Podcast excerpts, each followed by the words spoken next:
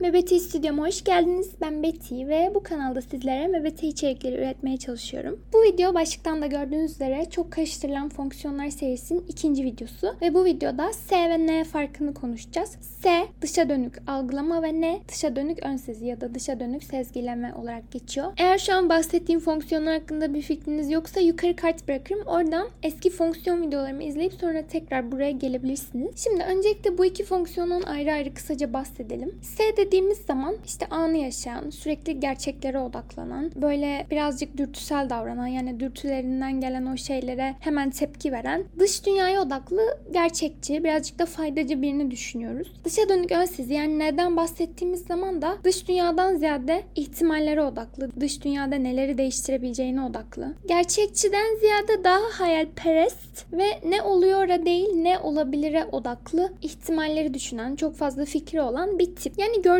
gibi teorideki açıklamaları çok farklı. Peki neden bu kadar çok karıştırılıyor? Mesela bir sürü diyem alıyorum. SFP miyim, NFP miyim bilmiyorum ya da ISFP miyim, INFP miyim karar veremiyorum tarzında. Aslında ben S ve N'ye karar vermenin çok kolay olduğunu düşünüyorum. Mesela T ve F gerçekten çok zor. Çünkü orada işin içine mantık, duygular falan giriyor. Her insanda biraz mantık vardır. Her insan duygulanır. Hani bu yüzden T ve F'yi ayırt etmek zor olabiliyor. Ama S ve N birazcık daha kolay gibi sanki. Çünkü S kullanan birisi N'ye kendini daha uzak hissediyor. N kullanan birisi de S'yi anlamakta biraz zorlanıyor ve her iki tipte karşıt fonksiyonları kullanan birini gördüğünde onu çok kolay fark edebiliyor ve aralarındaki farkı gözlemleyebiliyor aslında. Bir de MBT'yi anlamanın en iyi yolu böyle örnekleri görmek ve bu fonksiyonları kullanan kişileri gözlemlemekten geçiyor ya. Mesela SFP, NFP arasında kaldınız. SFP karakterlere bakın, NFP karakterlere bakın ve çevrenizde SFP biri varsa ona bakın, NFP biri varsa ona bakın. Mutlaka bir tarafa kendinizi daha yakın hissedersiniz. Bir tarafın davranışları size çok daha yabancı gelir, farklı gelir. O şekilde de bulabilirsiniz kişilik tipinizden emin olmak için. Zaten ben de bu videoda örnek vererek anlatmaya çalışacağım ki daha rahat anlayın ve daha rahat bulun tipinizi. S ve N'nin karıştırılmasının bir diğer sebebi de bence yaptıkları şeylerin birbirine benzemesi. Yani davranışsal olarak bazen birbirlerine çok benzeyebiliyorlar. Çünkü her ikisi de çok heyecanlı, çok hype, böyle sürekli pozitif enerji saçar genelde. Yüksek bir enerjileri vardır ve çok kolay heyecanlanırlar bazı şeyler. Mesela hadi bunu yapalım deseniz ikisi de aşırı heyecanlanır. Ya da ikisi de bazen böyle düşünmeden tepki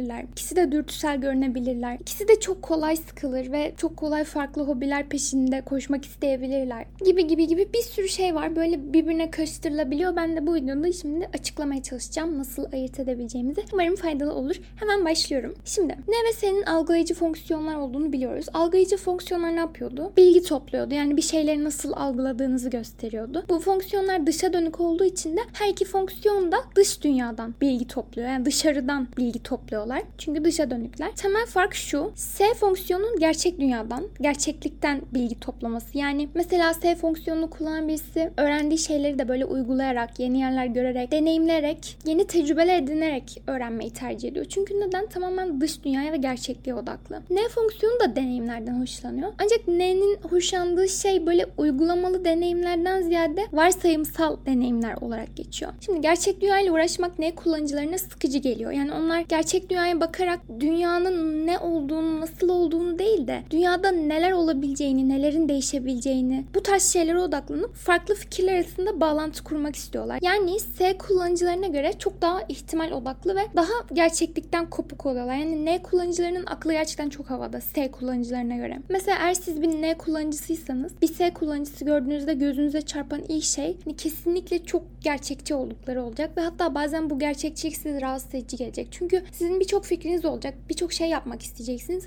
Ama bir S kullanıcısı gelip size kötü niyetli olmadan tabii ki şey diyecek. Hani bunları nasıl yapacaksın ki? Çünkü hani size böyle factler söyleyecek. Bu fact'ten dolayı sen bunu yapamazsın. Ya da bu fact'ten dolayı bunu yapmakta çok zorlanabilirsin. Nasıl yapacaksın ki diyecek. Sizden böyle bir açıklama bekleyecek. Çünkü sizin ilk odaklandığınız şey ihtimaller ama onun ilk odaklandığı şey gerçekler. O yüzden o sizin ihtimallerinizi duyduğunda bunları gerçek dünyaya uyarlamaya çalışacak kafasında ve bunu yapamadığında sizin bunu yapmakta zorlanacağınızı düşünecek. Size bu tarz tepkiler verecek mesela. Aynı şekilde bir S kullanıcısıysanız bir N kullanıcısında fark edeceğiniz ilk şey çok fazla böyle hayalperest oldukları olacak. Çünkü onlar da dediğim gibi çok fazla hayallerinden bahsedecek size ve size bunlar gerçekçi gelmeyecek. Bence aralarındaki temel fark bu. Biri çok dış dünya odaklı, birisi de çok fazla ihtimal fikir odaklı. Böyle hani daha gerçeklikten kopuk. Aslında videoda vereceğim tek teorik bilgi bu. N ve S kullanıcılar arasındaki temel fark bu. Ve videoda vereceğim örnekler de tamamen bu farkın üzerine olacak. Çünkü dediğim gibi örneklerle daha kolay anlaşılacağını düşünüyorum. Sizi böyle bir sürü teorik bilgiye boğmak istemiyorum. Şimdi mesela dedim ya N kullanıcıları çok işte ihtimal odaklı, S kullanıcıları daha gerçekçi. Madagaskar animasyonunu biliyor musunuz bilmiyorum. Benim en sevdiğim animasyon. Orada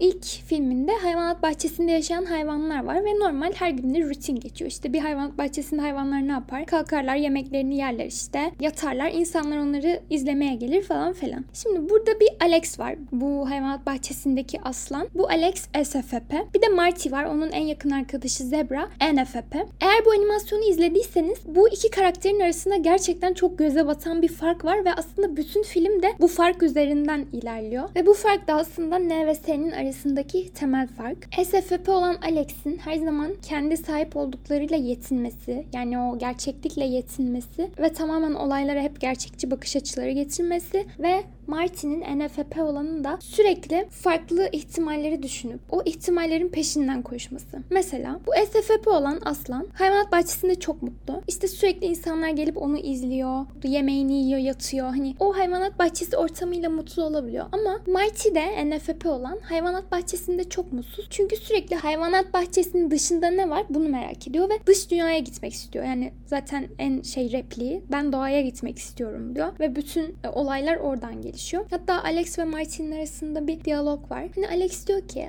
SFP olan hani ne istiyorsun daha hani her gün yemeğimizi veriyorlar insanlar bizi seviyor izlemeye geliyor hani senin derdin ne zaten mutluyuz neyin peşinde koşuyorsun daha diyor. E, Marty de diyor ki hani sen hiç merak etmiyor musun dışarıda ne var? Dünya hakkında hiçbir şey bilmiyoruz. Hayvanat bahçesinin dışındaki dünya hakkında hiçbir fikrimiz yok ve ben merak ediyorum oraya gittiğimizde başımıza neler gelir neler yaşarız.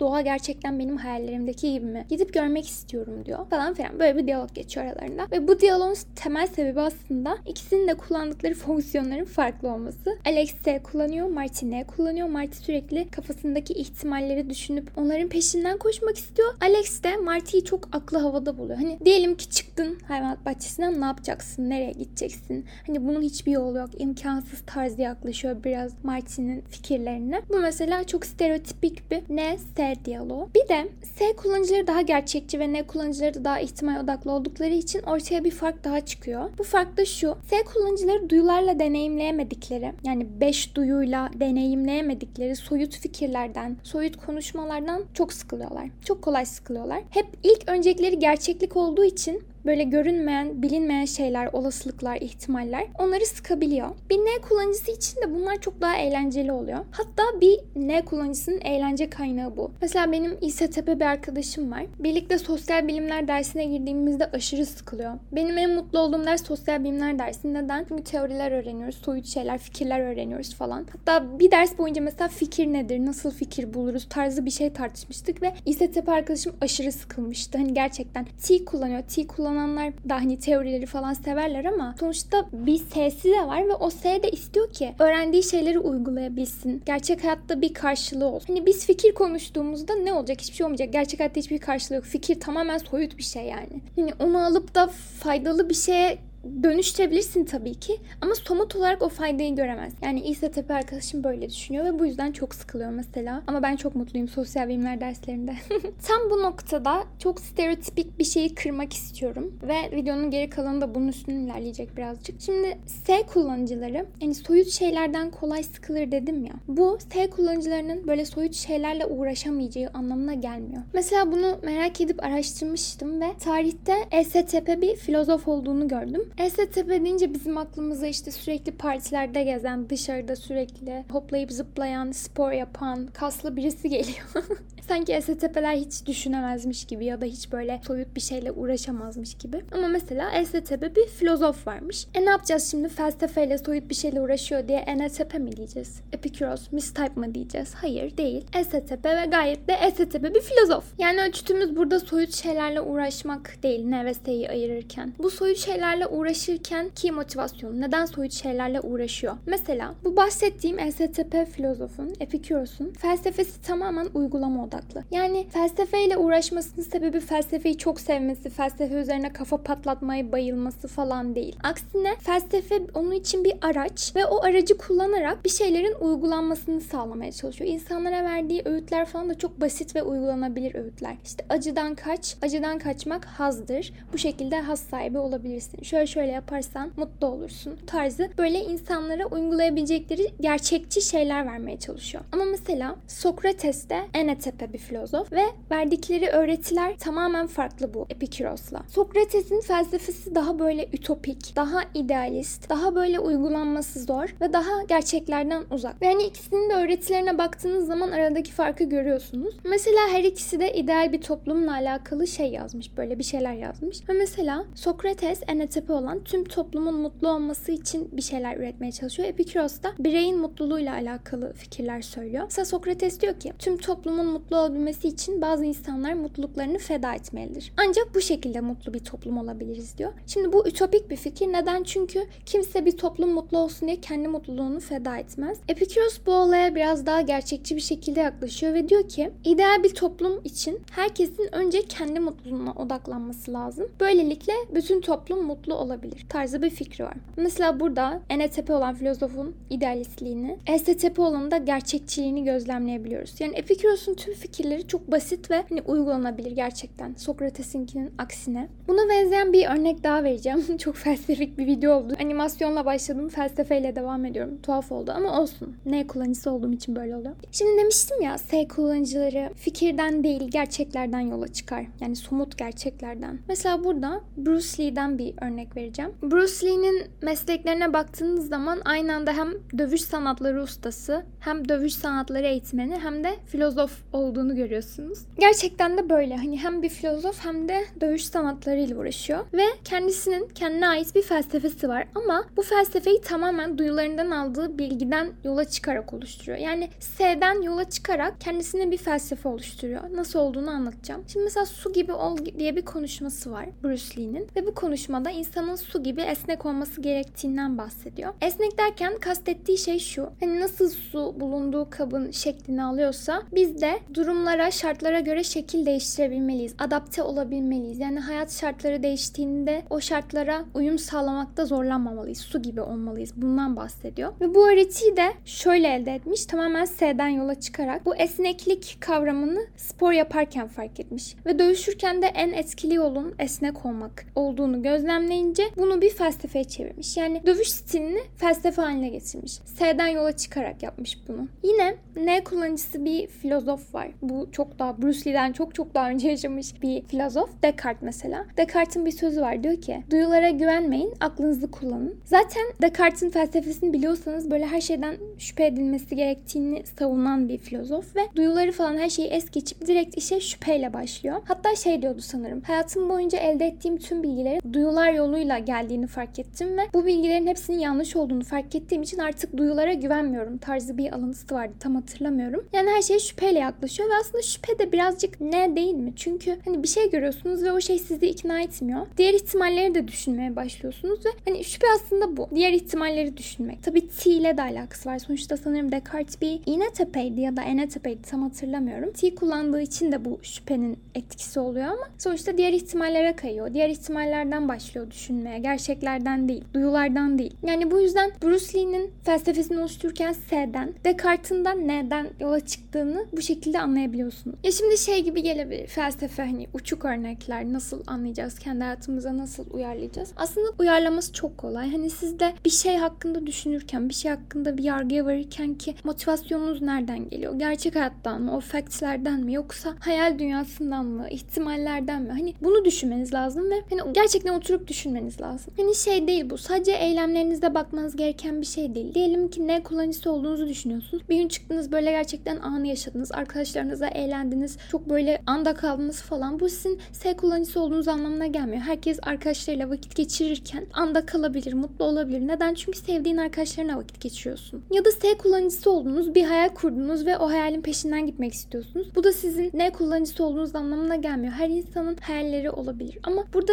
sürekli devam eden genel bir durumdan bahsediyoruz. Gerçekten hayattaki motivasyonunuz hayaller mi? Yani hayallerden mi güç alıp o şekilde mi hareket ediyorsunuz? Fikirlerden mı yola çıkıyorsunuz yoksa daha gerçekçi misiniz? Gerçeklerden mi yola çıkıyorsunuz? Genel olarak durumunuza bakmanız, motivasyonlarınıza bakmanız gerekiyor. Şimdiye kadar her iki fonksiyon arasındaki farkı anlatabildiğimi düşünüyorum. Şimdi bir de şu açıdan bakalım. E, biliyoruz ki S kullanıcılarının fonksiyon diziliminde ni var ve N kullanıcılarının fonksiyon diziliminde de C var. O yüzden bu fonksiyonları değerlendirirken hani S ni ikilisi ve N C ikilisi şeklinde bir değerlendirme yapmamız daha doğru olur. Şimdi S kullanıcılarından başlayayım. Mesela S kullanıcıları düşük ni kullandıkları için genelde çok dürtüsel davranıp sonradan pişman olabiliyorlar. Dürtüsel derken kastettiğim şey şu. Hani böyle tamamen içlerinden geldiği gibi hani o durumla karşılaştıkları gibi harekete geçiyorlar ve hiç düşünmeden davranabiliyorlar. Mesela aksiyon filmlerinde bu S kullanıcılarının daha kolay tuzağa düştüğünü görürsünüz. Çünkü kendilerine yapılan derin bir planı görmekte zorlanırlar. Çünkü her şeyi gördükleri gibi değerlendirirler. O gördükleri şeyin arkasında bir anlam var mı? Bunu düşünmek onlara zor gelir. Hani diyorlar ya S kullanıcıları 5 duyudan yola çıkar. 5 duyu derken kastettiği bu. Bir şeyi görüyor ve tamamen gördüğü gibi anlıyor. Diğer ihtimalleri ya da o gördüğü şeyin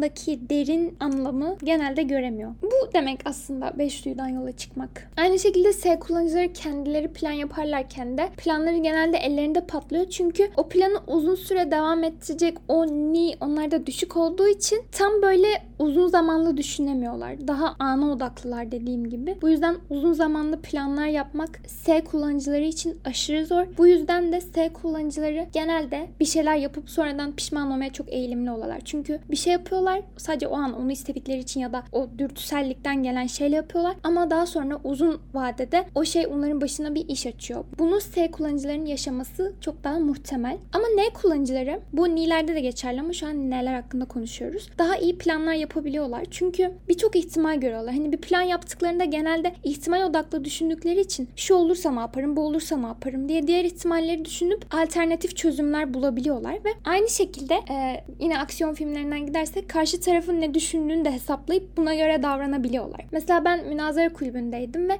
münazaraya hazırlanırken sadece kendi tezimi değil karşı tarafın bana ne cevap verme ihtimali olduğunu da düşünüyordum ve onların tezine de cevap hazırlıyordum. Hani böyle çok karmaşık çalışıyordum ve S kullanıcısı arkadaşıma bunu anlatmakta biraz sorun yaşıyordum. Bak bunu dersek bunu diyebilirler. Eğer bunu derlerse bunu deriz tarzı diyordum ve kafası karışıyordu mesela. Yani kısaca N kullanıcıları birçok ihtimali düşünmekte S'lere göre daha iyi oldukları için riskleri görmekte ve buna göre önlem almakta da S kullanıcılarına göre bir tık daha iyi oluyorlar bence. Tekrar S kullanıcılarına gelirsek düşük niye sahip oldukları için bir şeylere anlam yüklemekte zorlanıyorlar. Dediğim gibi her şeyi gördükleri gibi değerlendirmeye daha eğilimli oluyorlar. Mesela demin bahsettiğim STP Epikür. Onun öğretileri tamamen bu hayatta mutlu olmak için. İşte acıdan kaçın, hazla ulaşın. Bu şekilde mutlu olun. Böyle bu tarz öğretileri var. Hatta şey vardı. İşte tanrılardan korkmayın, hayatınıza odaklanın, anda kalın tarzı öğretileri vardı. Hani bu öğretiler güzel. Birçok insan da istifade etmiştir eminim. Ama bana böyle çok bazı şeylerin altı doldurulmamış gibi geliyor.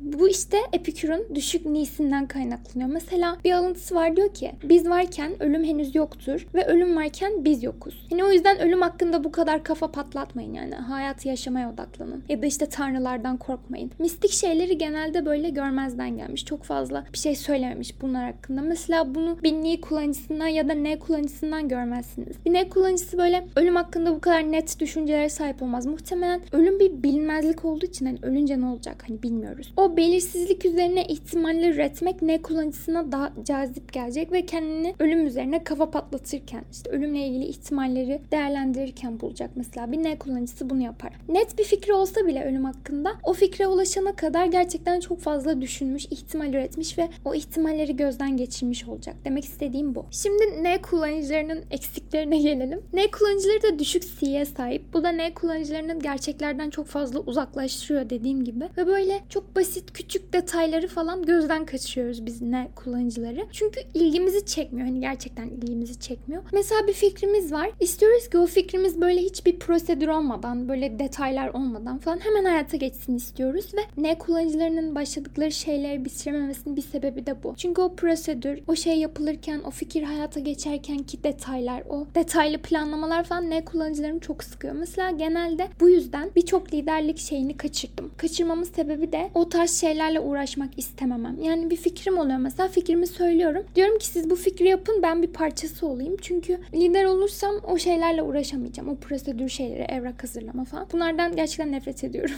Bu yüzden o evrak işleriyle uğraşacak bir ekibim yoksa o fikrim genelde havada kalıyor. Çünkü ben uğraşamam deyip kestirip atıyorum hani. O fikri böyle askıda tutuyorum. Bir ekip bulana kadar o fikir havada kalıyor. Bir de ne kullanıcıları düşük CV'ye sahip olduğu için bir şeyi adım adım yapmayı bilmiyorlar. Hani gerçekten bir şeyi adım adım nasıl yaparız bu konuda hiçbir fikrimiz yok. Bu yüzden bir plan hazırlayacağız mesela kendimize. Diyelim ki mesela benim ajandamda aylık planlar var tamam. Böyle 5-10 tane şey yaptım ama o 5-10 şeyin bir ay içinde bitmesi için gerçekten çok sistematik bir çalışma gerekiyor ve ben bunu beceremiyorum. Hani her gün mesela rutin bir şekilde bir şeyi yapmam gerekiyor o bir ay içerisinde ki o şey bitsin. Yoksa bitmeyecek ama ben bitecekmiş gibi onu yazıyorum mesela ama bitmiyor çünkü yapamıyorum. Rutine sadık kalamıyorum ya da o yapacağım şeyleri böyle planlayamıyorum. Ne kullanıcıları da böyle sıkıntılar yaşıyor ve genelde acı gerçeklerden çok sıkılıyoruz. Hani ben mesela haber izleyemiyorum ya da gündemi doğru düzgün takip edemiyorum. Bir de bölümüm uluslararası ilişkiler bu arada. O yüzden bölümümde çok zorlanacağımı düşünüyorum. Ama mesela bu bölümü seçmemin sebebi de şeydi. Hani belki buradan öğrendiklerimle bir şeyleri değiştirebilirim. Böyle aklıma bir şeyler gelir, projeleri yaparım. Hani bir şeyleri değiştirebilmek için önce o şeyle alakalı factleri öğrenmem gerektiği için mesela uluslararası ilişkiler seçmiştim. Bu da çok bir ne motivasyon aslında. Çünkü ihtimallerden yola çıkarak seçim yapıyorum düşünüyorum. Hani belki böyle olur, belki şunu değiştiririm, belki aklıma bu gelir tarzı düşünüyorum. Böyle. Size kısaca ne ve S farkını açıklamaya çalıştım. Kısaca dediğim de 25 dakika sürmüş. Hep diyorum ki 20 dakikaya geçirmeyeceğim ama 25 dakikaya falan çıkıyor. Artık yapacak bir şey yok. Umarım kafanızda net bir şekilde oturmuştur. Muhtemelen oturmamıştır. Çünkü hani yine oturup düşünmeniz gerekecek. Sadece bu videoyu izleyince tamam ben SFP'yim, STP'yim diyemeyeceksiniz. Umarım düşünce sürecinize katkı sağlar ve tipinizi en kısa zamanda bulursunuz. Video ile alakalı yorumlarınızı bekliyorum. Eğer böyle tecrübeniz varsa iki tip arasında kaldıysanız ve sonrasında tipinizi bulduysanız insanlara yardımcı olması açısından yorumlara yazabilirsiniz. Sorularınız varsa yazabilirsiniz ne ve S hakkında cevaplamaya çalışırım. Bir sonraki videonun ne hakkında olacağını henüz düşünmedim. Onu da bulurum birazcık düşündükten sonra. Başka ne diyebilirim? Heh, eğer içeriklerimi beğeniyorsanız çevrenizdekilerle paylaşabilirsiniz. Bu beni çok mutlu eder. Onun haricinde diyeceğim bir şey yok sanırım. Bir sonraki videoya kadar kendinize iyi bakın. Görüşmek üzere.